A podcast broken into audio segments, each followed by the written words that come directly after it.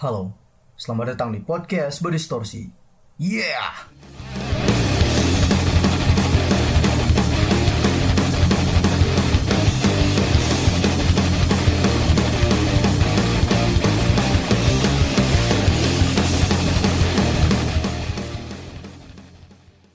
Oke, bertemu lagi bersama saya Galih dan berjumpa lagi kita podcast ini. Haha.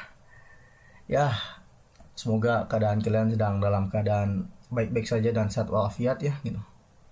Karena yang seperti kita tahu, kita ini sedang menghadapi sebuah wabah yang mungkin sampai sekarang masih meneror negara kita gitu dan negara-negara lainnya gitu. Ya, kita sekarang sedang menghadapi wabah virus corona ini gitu, yang sangat merenggut banyak jiwa orang-orang dan merenggut banyak nyawa juga ya, kurang lebih mungkin ada 500 orang yang mungkin sudah terjangkit dan entahlah mungkin bisa lebih lagi. Makanya pemerintah kita menganjurkan untuk melakukan social distancing atau bahasa lainnya adalah mengisolasi diri di dalam rumah. Jadi selama kurang lebih 14 hari ini kita harus berdiam diri di rumah di dalam rumah gitu jangan ke mana-mana kecuali memang keadaan sedang kepepet banget gitu baru kita bisa keluar rumah. Tapi jika tidak ada kepentingan yang benar-benar penting ya kita ikutilah anjuran pemerintah untuk berdiam diri di dalam rumah dulu selama 14 hari ini gitu ya di rumah aja lah. Ya menemani kalian di rumah aja yang mungkin sedang melaksanakan social distancing seperti saya juga. Kali ini saya akan membahas sebuah bahasan yang berbeda gitu. Apa tuh yang berbeda tuh? Biasanya kan saya nggak bahas tentang band atau musik gitu. Ya sekitaran tentang promosikan lah.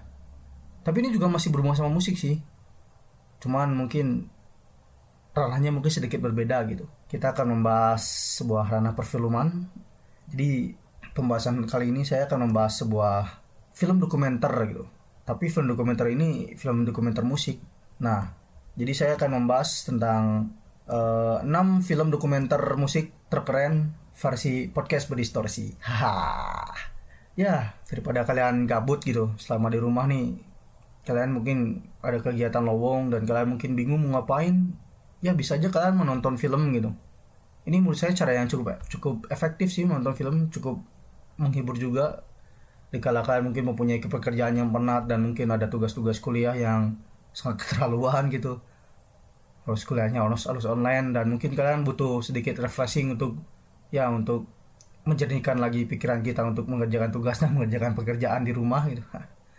Ya saya akan memberikan 6 rekomendasi film ini yang belum pernah kalian tonton sebelumnya gitu.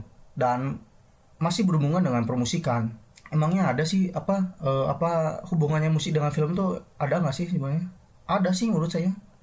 Karena film dengan musik tuh sama-sama media yang bisa membuat orang menjadi tertarik dan membuat orang menjadi suka gitu ya terhadap media seni. Jadi musik dan film tuh menurut saya tidak bisa dipisahkan sih. Ya hubungannya kalau kalian mungkin nonton film pasti kalian kadang-kadang suka sama soundtrack soundtrack filmnya yang kadang-kadang keren gitu. Mungkin kalian tahu lah soundtrack soundtrack film terkenal kan kadang-kadang tuh diisi oleh para ya para solois atau grup band gitu. Jadi secara secara nggak langsung tuh kadang-kadang dunia film dan dunia musik tuh saling apa ya saling simbiosis gitu bisa dibilang tuh.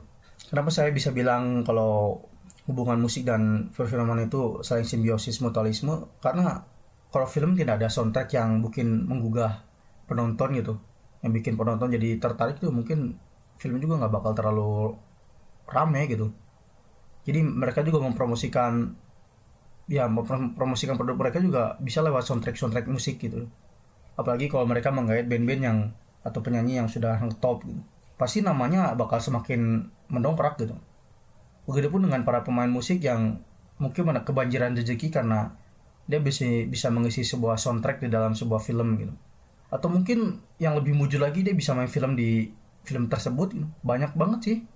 Sekarang penyanyi atau musisi atau yang anak dia grup band kayak gitu yang secara langsung mereka bisa menjadi artis gitu. Banyak sih contohnya mungkin seperti Jared Leto tuh vokalis 30 Second to Mars dia jangan anak band tapi dia bisa jadi aktor setelah dia memenangkan Joker gitu kemarin banyak sih sebenarnya. Kayak Johnny Depp juga Johnny Depp juga dia apa pemusik juga. Dia kan anak band tuh. Tapi dia bisa main film juga. Banyak sih musisi-musisi yang secara nggak langsung dia bisa menjadi aktor juga gitu secara profesional. Tapi seenggaknya kan banyak sekarang para musisi atau anak band atau grup band atau penyanyi yang merambah ke dunia perfilman gitu dan menjadi aktor. Itu menurut saya sangat menguntungkan sekali sih. Dan menurut saya membahas perfilman dokumenter tuh masih apa ya masih nyambung dengan konten permusikan ini gitu. Terus juga kenapa saya milih film dokumenter nggak film-film action atau apa gitu. Uh, kenapa saya milih film, film dokumenter? Karena saya suka sih dengan perfilman dokumenter ini karena apa ya yang bikin saya tertarik itu karena karena mereka tuh menyajikan sesuatu yang nyata sih terkadang. Emang benar-benar dokumenter tuh benar-benar dokumentari gitu. Dokumenter tuh emang seperti arsip-arsip rekaman-rekaman nyata yang emang dibuat sebagai film gitu dokumenter tuh.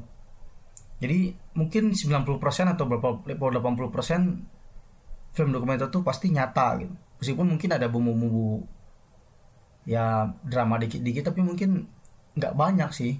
Kebanyakan film dokumenter tuh pasti nyata.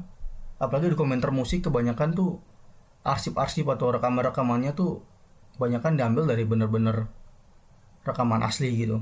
Dan mungkin belum pernah belum pernah kita lihat sebelumnya seumur umur kita tahu bandnya gitu. Oh ternyata dia sisi lainnya gitu ada di sini di film ini tuh. Ternyata si A tuh personel A tuh gini gini gini gini band A tuh gini gini gini gini. Dan saya sangat tertarik sih karena film dokumenter tuh ya saya banyak memetik banyak ilmu dan banyak pengalaman juga dalam film dokumenter tuh. Dan kebetulan saya juga suka dengan dokumenter musik karena dokumenter musik juga cukup keren sih menurut saya banyak film-film dokumenter ini yang menambah ilmu saya tentang permusikan gitu dan saya juga bisa mendapatkan banyak asupan nutrisi ilmu-ilmu dan pengalaman-pengalaman hidup para musisi dan grup band dalam film dokumenter itu gitu. banyak sekali sih dan sebenarnya film dokumenter musik yang keren tuh banyak banget sebenarnya tapi saya hanya memilih enam saja gitu.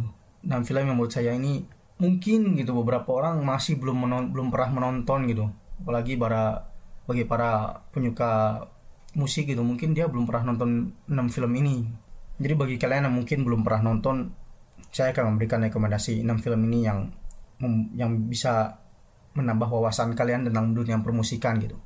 Bener ini sebenarnya lumayan susah untuk merangkumnya gitu karena saya lumayan banyak menonton film dokumenter musik dan ini hanya sebagian kecil yang saya ambil gitu dalam podcast ini. Karena banyak banget sih dan mungkin membahas itu nggak bakal cukup untuk satu jam.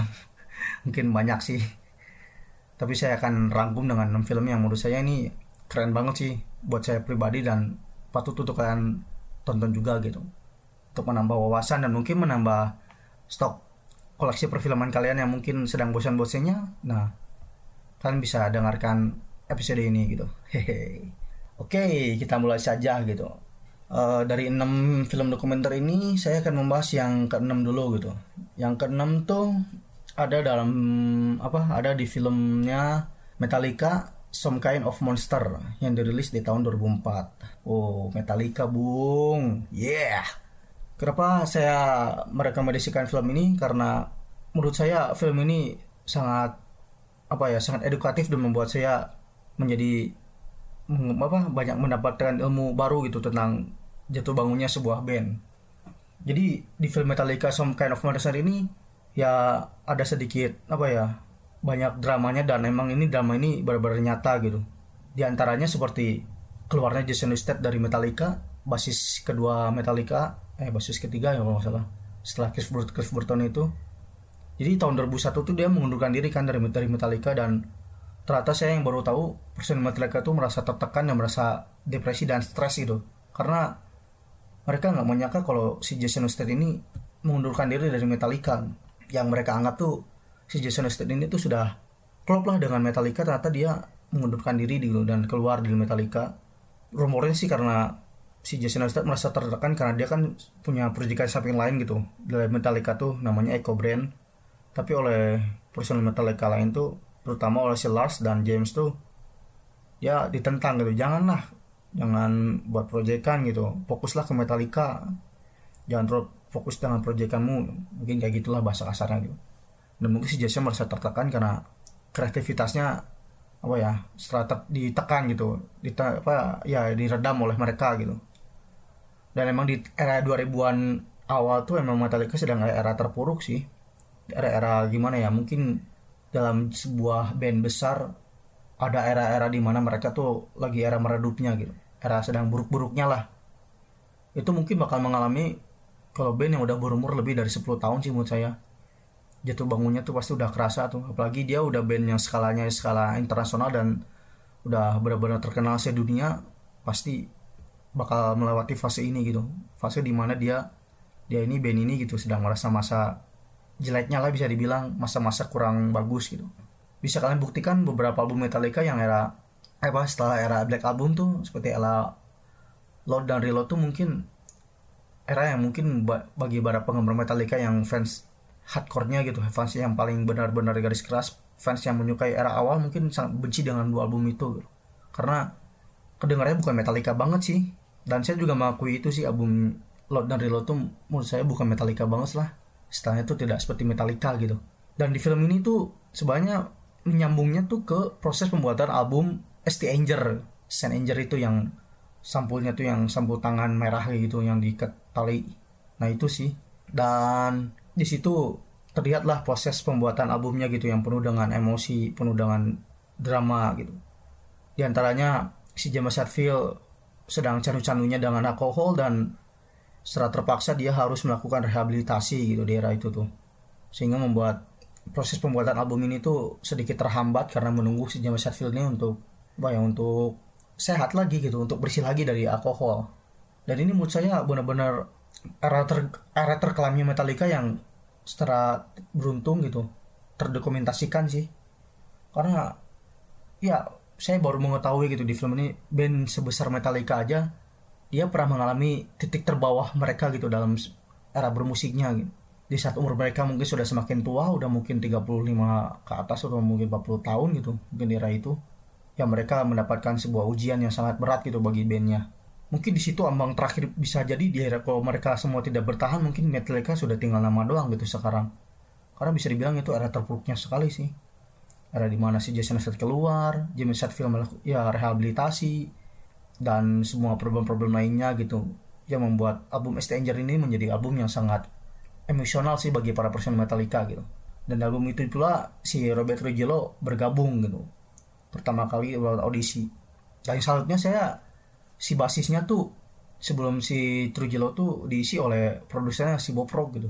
Oh keren sih saya baru tahu di situ. Ternyata produser bisa main bass juga gitu. Wih keren keren. Mungkin cuma segitu sih yang Metallica gitu sisanya kalian bisa tonton sendiri sih biar lebih mengerti. Dan menurut saya ini wajib untuk kalian bisa ditonton karena banyak pelajaran yang kalian ambil terutama bagi kalian yang mempunyai band gitu. Mungkin kalian bisa lihat contoh di mana era band besar yang awalnya ya yang sedang di era sukses besar dan sekarang terpuruk gitu di era ini tuh ya di era di film ini tuh dan bagaimana cara mereka untuk mempertahankan kekompakan mereka dan mempertahankan ya prinsip mereka sebagai sebuah band gitu di film ini tergambarkan jelas sih kalau menurut saya. Oke, yang selanjutnya tuh yang nomor 5 adalah American Hardcore, The Story of American Punk Rock. Oh, ini nih. Ini film yang menurut saya underground banget sih. Karena film ini membahas tentang seluk-beluk genre hardcore di Amerika gitu. Tepatnya sih di era 80-an dan era 86 sih.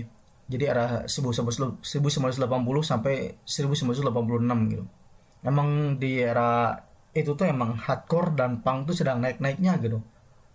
Sebenarnya bebarengan banget dengan era metal sih 80-an tuh. Jadi di era emang era 80-an tuh emang era kemasan dalam sebuah musik sih menurut saya karena banyak-banyak genre-genre yang sedang aktif-aktifnya gitu. Dan di film American Hardcore ini ini adalah film yang menggambarkan jelas bagaimana movement pergerakan musik hardcore punk di Amerika gitu. Wah banyak banget sih band-band yang di apa ya yang di shoot itu yang diwawancara di film ini gitu. Contohnya seperti Black Flag, Bad Brains, uh, apalagi ya Miller Street, uh, dan band-band hardcore punk lainnya lah. Pokoknya banyak banget sih dan di film ini saya jadi mengetahui gitu kok hardcore tuh perjalanannya ternyata cukup panjang gitu ya menjadi sebuah subkultur dan subgenre yang terkenal gitu sampai sekarang. Dan saya baru tahu kalau ya hardcore tuh emang sebenarnya perkembangan dari musik punk gitu yang mereka tuh ingin memainkan musik yang lebih agresif dan lebih apa ya mungkin lebih politis gitu apa uh, lirik-liriknya dan lebih berbeda dengan musik punk sih. Jadi emang di era 70-an kan mungkin Sex Pistol kan kiblat dari punk gitu. Ya Sex Pistol atau Ramones gitu. Dan di era 70-an akhir sampai 80 tuh mulai bermunculan band-band seperti Black Flag, Minor Threat, Bad Brains, terus apalagi lah banyak pokoknya dan mereka membuat sebuah movement gitu. Masif banget sih bisa dibilang hampir semua daerah di Amerika seperti Washington DC, New York, uh, Texas, uh, apalagi ya Mississippi atau ya daerah-daerah Amerika yang lainnya San Francisco, Los Angeles kayak gitu tuh pergerakan movement cepat banget gitu. Di hardcore tuh ternyata sangat masif sekali. Dan per kota tuh ya daerah-daerah kota-kota Amerika tuh pasti memiliki band hardcore gitu jadi emang saya baru tahu kok era kemasan masa hardcore punk tuh di, di antara tahun 80-an sampai 86 sih era kemasannya dan menurut saya yang paling besar di sini tuh band yang paling banyak disorot tuh ya Black Flag sih. Karena Black Flag tuh emang band hardcore punk yang paling populer sih selain Mono Treat dan Bad Brains gitu. Black Flag mungkin sangat ikonik sih bagi akun hardcore punk sih. Apalagi si Henry Rollins itu yang vokalisnya kan emang sangat ikonik gitu sampai sekarang tuh. Dia masih dikenal sebagai vokalis hardcore punk yang sangat ikonik sekali lah. Sama seperti Minor Treat si NYK gitu. Dia sama ikoniknya gitu dengan dia tuh. Dengan NYK itu si Henry Rollins itu. Pokoknya wajib banget kalian tonton apalagi bagi kalian yang suka musik hardcore punk kalian wajib banget harus menonton film ini biar kalian tahu seluk beluk awal mula musik hardcore itu dari mana sih gitu. Pergerakannya ya dari sini gitu. Kalian harus tonton pokoknya. Lengkap banget lah pokoknya penjelasannya. Iya lanjut ke nomor 4 kita punya The Beatles yang Eight Days a Week yang dirilis tahun 2006 2016 no 2016 uh, kenapa saya memasukkan film The Beatles Eight Days a Week di list ini? Karena menurut saya penting sih. Karena band ini tuh bisa dibilang band yang sangat populer sepanjang masa. Band yang sangat mempengaruhi musisi-musisi atau para pemain band sepanjang masa gitu dan lewat film ini kita bisa mengetahui awal mula dari The Beatles muncul jatuh bangunnya mereka dan mungkin era konflik mereka gitu. Meskipun era pas di era bubar-bubarnya itu mungkin mereka nggak diceritakan sih. Ya seperti mungkin era awal mereka bisa mengenal Brian Epstein si manajernya membuat mereka menjadi mempunyai setelan kompak dengan rambut mop top gitu. Dengan awal mula mereka membuat Beatles di situ sih diceritakannya gitu.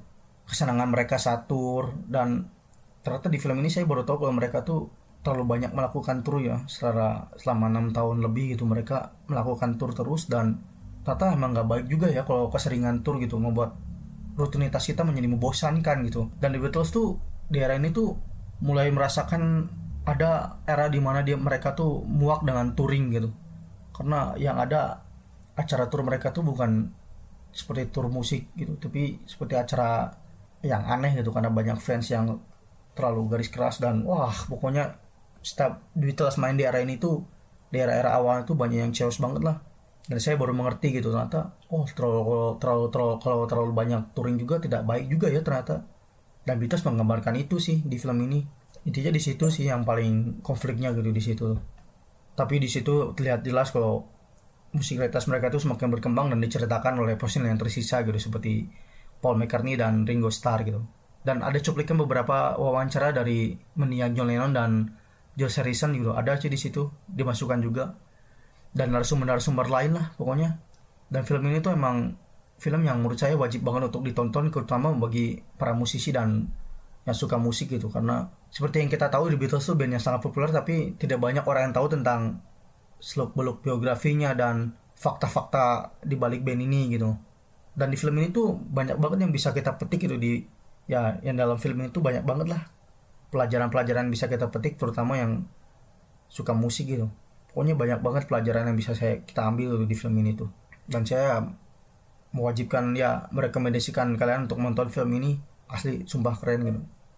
Apalagi di Beatles tuh emang pengaruhnya impactnya gitu sampai sekarang tuh masih terasa gitu dan saya juga merasa takjub sih kalau nonton-nonton waktu saya nonton film ini gitu apalagi ada cuplikan era-era mereka yang di era kemasannya gitu di era 64 65 gitu pokoknya keren banget sih film ini gitu patut untuk kalian tonton sih Oke, yang selanjutnya adalah yang nomor ketiga ya. Get Trash, The Story of Thrash Metal. Wih, yang dirilis di tahun 2006. Nah, ini film yang menurut saya film favorit saya sih yang berpuluh-puluh kali saya sudah tonton 10 kali lebih sih ada mungkin saya tonton gitu. Cukup favorit sih untuk saya tonton sih film ini karena film ini juga sama seperti film American Hardcore yang menceritakan tentang movement dari gerakan thrash metal sih. Wih, Makanya saya bisa menjelaskan biografi apa, menjelaskan genre thrash metal di podcast saya sebelumnya karena beberapa referensi saya ambil dari film ini gitu. Get Trash The Story of Thrash Metal ini menceritakan tentang movement pergerakan thrash metal gitu dari era 83 sampai era 2000-an gitu. Dan dari sini kita bisa tahu gitu awal mula thrash metal terbentuk tuh dari mana gitu. Ya, yang seperti kita ketahui kalau Metallica, Metallica adalah sebagai pionir dari genre ini gitu. Nah, ternyata setelah Metallica tuh banyak lagi tuh band-band yang lebih ekstrim lagi dari Metallica gitu seperti Megadeth, Slayer, Anthrax, Exodus, Pantera, yang lain-lainnya gitu. Dan dari sini kita bisa mengetahui sih jatuh bangunnya thrash metal gitu. Yang awalnya mereka tuh apa seperti hardcore gitu yang cuma ranahnya underground, tapi mereka mereka bisa menjadi populer sedunia di era akhirnya gitu di era-era kemasannya lah 86, 87, 88 tuh era-era thrash metal tuh lagi on fire-nya sih. Dan di film ini tuh sangat detail banget sih menceritakan tentang pergerakan thrash metalnya sih. Meskipun menceritakannya tuh band per band sih yang mungkin band yang terbesar banget seperti awalnya menceritakan Metallica, terus Megadeth, terus Slayer, terus Anthrax, terus Exodus gitu. Namun band-band ini yang saya sebutkan tuh band-band yang bisa dibilang band yang sangat berpengaruh di genre thrash metal gitu. Di film ini juga bisa kita lihat kalau thrash metal tuh sempat mengalami keterpurukan di era 90-an gitu. Di era di mana grunge, populer gitu era-era alternatif gitu grang rock alternatif rock gitu ya genre thrash metal itu cepat sempat meredup gitu dari 90-an awal tuh dan di era 90-an akhir mereka digembor lagi oleh genre nu metal gitu. Nu metal yang semodel biscuit kayak gitulah. Tapi yang kerennya yang kerennya tuh thrash metal masih tetap bertahan dan masih ada sampai era sekarang sih. Banyak band-band yang masih memainkan genre thrash metal gitu. Dan emang saya akui kalau tidak ada thrash metal nggak bakal juga nggak bakal ada juga genre death metal dan black metal gitu. Karena death dan black metal tuh akar utamanya sebenarnya dari thrash metal gitu. Jadi film metal apa uh, Get Trashed ini wajib untuk kalian tonton apalagi kalau kalian suka band metal gitu. Narasumbernya juga keren-keren sih dan memang kebanyakan personal band semua yang di narasumberin dan beberapa pelaku pelaku musik dan ya produser produser musik gitu. Banyak banget sih yang jadi narasumbernya dan saya banyak dapat pelajaran gitu dalam film ini terutama genre thrash metal gitu jadi memang film ini rekomend banget sih untuk kalian tonton. Keren pokoknya. Oke yang kedua yaitu uh, Metal Headbangers Journey yang dirilis di tahun 2005 wih. Film ini tuh adalah film dokumenter yang dibuat oleh Sam Dunn. Ya seorang metalhead dan seorang antropolog. Dia tuh di film ini tuh pingin mengetahui seluk beluk tentang heavy metal gitu. Jadi dia menguak banget nih awal mula dari awal mula dari heavy metal ada sampai pengaruh-pengaruhnya kulturnya dan subgenre subgenrenya dan mungkin kontroversi kontroversinya wah pokoknya film metal heavy metal ini lengkap banget sih di dalamnya. Kalau kalian pingin mengetahui kenapa sih ada musik heavy metal gitu ada musik metal gitu di dunia ini kalian wajib harus nonton film ini sih karena si Sam Dan ini sudah merangkum semuanya dengan sangat rapih gitu dalam film ini tuh dia berhasil mewawancara Tony Iommi di Black Sabbath mewawancarai Lemmy Kilmister mewawancarai Lars Ulrich mewawancarai Alice Cooper dan band-band yang disebut sebagai band-band era metal gitu mereka. Ya si Sam dan ini sudah mewawancarinya semua sih. Wah pokoknya kalau kalian yang memang anaknya metalhead banget wajib untuk menonton film ini sih. Karena film ini menurut saya sangat bermanfaat sekali bagi ilmu permusikan saya sih. Karena saya bisa mengetahui metal lebih jauh lagi dalam film ini. Jadi saya nggak bisa nggak lewat buku doang nggak lewat buku lewat artikel dan lain-lain gitu. Tapi saya bisa lewat dalam film ini sih. Karena film ini benar-benar menceritakan detail tentang metal gitu. Awal mulai heavy metal dan lain-lainnya sih. Detail banget sih pokoknya. Tapi dirangkum dikemas gitu dengan dengan plot yang menarik gitu. Dan nggak ngebosenin sih menurut saya. Pokoknya keren sih. Benar-benar menceritakan banget tentang metal gitu. Dan menurut saya bagi kalian yang belum pernah nonton wah saya rekomendasikan dan saya wajibkan kalian harus menonton film ini karena sangat keren dan menambah ilmu permusikan kalian gitu dalam dunia metal.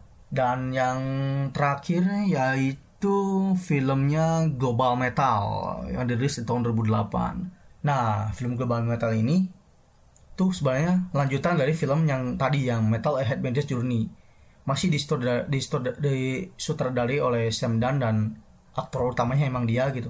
Nah di Global Metal ini tuh yang beda tuh karena yang kita seperti kita tahu lah. Kita ketahui kalau metal itu emang awal mula berdirinya kan di Eropa gitu. Di, di dataran Eropa sana lah di Inggris Amerika gitu.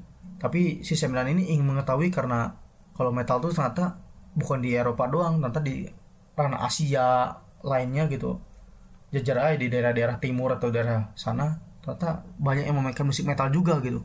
Dan yang kerennya tuh dalam film ini apa? Di sini mereka menceritakan tentang Indonesia Wih. dan kalian pengen tahu narasumbernya siapa? Banyak sekali nggak banyak sih cuman ini mungkin musisi yang sangat familiar sih di Indonesia gitu. Musisi underground yang sudah harum namanya lah di Indonesia. Yang di, yang jadi narasumber di film ini tuh di global metal tuh di Indonesia yaitu Arian 13 uh, Andre Triada dari Siksa Kubur terus vokalisnya Tengkorak terus Wendy Putanto oh ini nama-nama yang udah beken banget sih di dunia underground Indonesia gitu. Dan selain Indonesia mereka juga menyoroti negara-negara lain seperti Cina Jepang India terutama. Oh, saya baru tahu kalau India tuh ternyata punya pergerakan metal gitu di sana tuh. Saya baru tahu dalam film ini malah asli serius saya nggak tahu kalau India tuh punya band metal gitu. Yang sama kita ketahui kan kalau di India tuh penyumbang terbesar budaya Bollywood kan. Budaya joget-joget film-film yang penuh dengan aksi-aksi joget-joget gitu. Ternyata mereka mempunyai movement pergerakan metal gitu di di negaranya. Selain di India terus ada wah ini apa oh, Israel dan Iran yang di daerah-daerah timurnya tuh. Pokoknya global metal ini menceritakan tentang metal yang tidak di Eropa doang ternyata oh heavy metal itu sudah tersebar di seluruh dunia gitu. Terutama di dataran Asia. Dan menurut saya ini film yang cukup membanggakan untuk para orang Indonesia karena di film ini negara Asia Tenggara yang disorot hanya Indonesia doang gitu. Negara-negara tetangga kita nggak disorot sih cuma Indonesia doang yang jadi sorotan utama. Dan menurut saya emang tepat sekali karena Indonesia undergroundnya emang sangat masif gitu dan sangat terkenal gitu. Tidak sekecil tidak underground banget di negara-negara tetangga lainnya.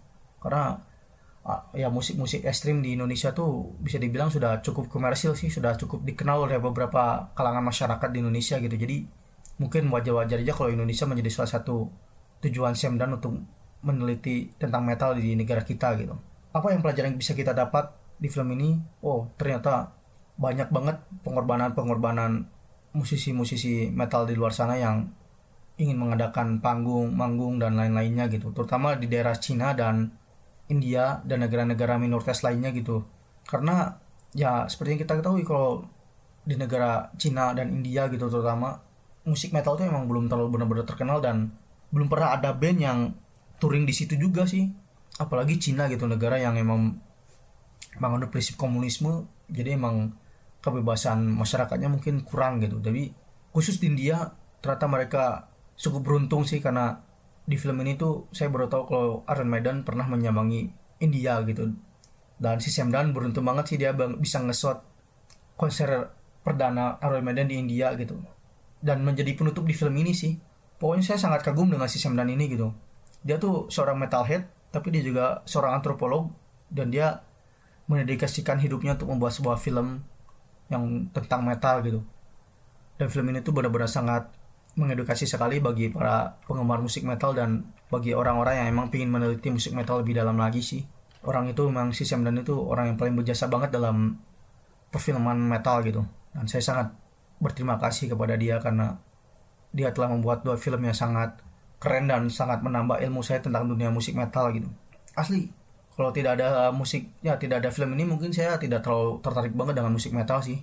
Kalau film ini saya menjadi mengetahui tentang musik metal dan membuat saya jadi tertarik banget tentang musik metal. Pokoknya ini, film ini emang keren banget sih pokoknya. Ya paling cuma segitu sih yang bisa saya jelaskan. Ya mohon maaf maaf aja gitu kalau penjelasan saya emang kurang kurang rapi atau kurang gimana sih karena ini juga saya emang apa ya mengingat adegan-adegan filmnya sih. Emang beberapa emang saya, udah saya cukup lama udah saya tidak ditonton gitu. Jadi emang kepikiran aja sih untuk konten sekarang. Saya ingin bikin 6 film dokumenter ini kebetulan kan emang sedang program social distancing juga kan di Indonesia gitu. Jadi kan banyak yang di rumah aja. Ya seenggaknya podcast saya bisalah memberikan tambahan ilmu untuk kalian yang ingin mengetahui dunia perfilman tapi yang masih berhubungan dengan musik gitu. Hehe. Ya seperti itulah. Mohon maaf lah kalau pemainnya kurang apa ya kurang dimengerti pembahasannya atau apa pun itulah. Ya saya juga emang baru pertama kali sih nggak bahas film jadi emang wajar-wajar aja sih masih rada gimana. Yang saya biasanya cuma nggak bahas musik tapi kali ini saya nggak bahas sebuah film sih. Karena film tuh memang bukan ranah saya sih tapi karena film ini dokumenter musik jadi menurut saya masih nyambung dengan pembahasan podcast ini gitu. Hehe ya. Ya semoga 6 film yang saya rekomendasikan bermanfaat bagi kalian semua gitu. Apalagi bagi kalian yang sedang mencari referensi film permusikan ya bolehlah kalian pakai rekomendasi 6 film dari saya ini gitu. Ya semoga bermanfaat. Ya paling pembahasan kita cuma sampai di sini sih. Dan kalau pemain ada kritik dan saran kalian bisa DM di podcast IG kita. Namanya podcast berdistorsi. Dan juga bisa di email di podcast berdistorsi@gmail.com gitu. Ya kalau banyak kalian punya kritik dan saran atau punya masukan untuk saya untuk bahan evaluasi saya juga sih boleh banget sih. Atau kalian mau follow akun IG-nya ya boleh gitu follow. Insya Allah sama saya bisa di follow back kok kalau saya buka gitu. Dan semoga kita dalam perlindungan Allah Subhanahu Wa Taala ya karena emang negara kita emang sedang masa-masa kritis gitu karena virus corona ini. Dan pokoknya ingat sekali di rumah aja jangan jangan ke mana-mana dulu untuk sekarang sih. Kecuali emang keadaannya sedang terdesak ya mungkin tidak apa-apa gitu. Tapi kalau tidak ada kegiatan yang penting di luar ya mending baik mendingan di rumah saja gitu. Karena mengingat korbannya yang memang sangat banyak. Dan semoga kita dijauhkan gitu dari wabah corona ini gitu. Amin. Ya paling cuma segitu sih yang bisa saya jelaskan. Uh, terima kasih telah mendengarkan podcast saya dan sampai jumpa di episode episode selanjutnya. Yeah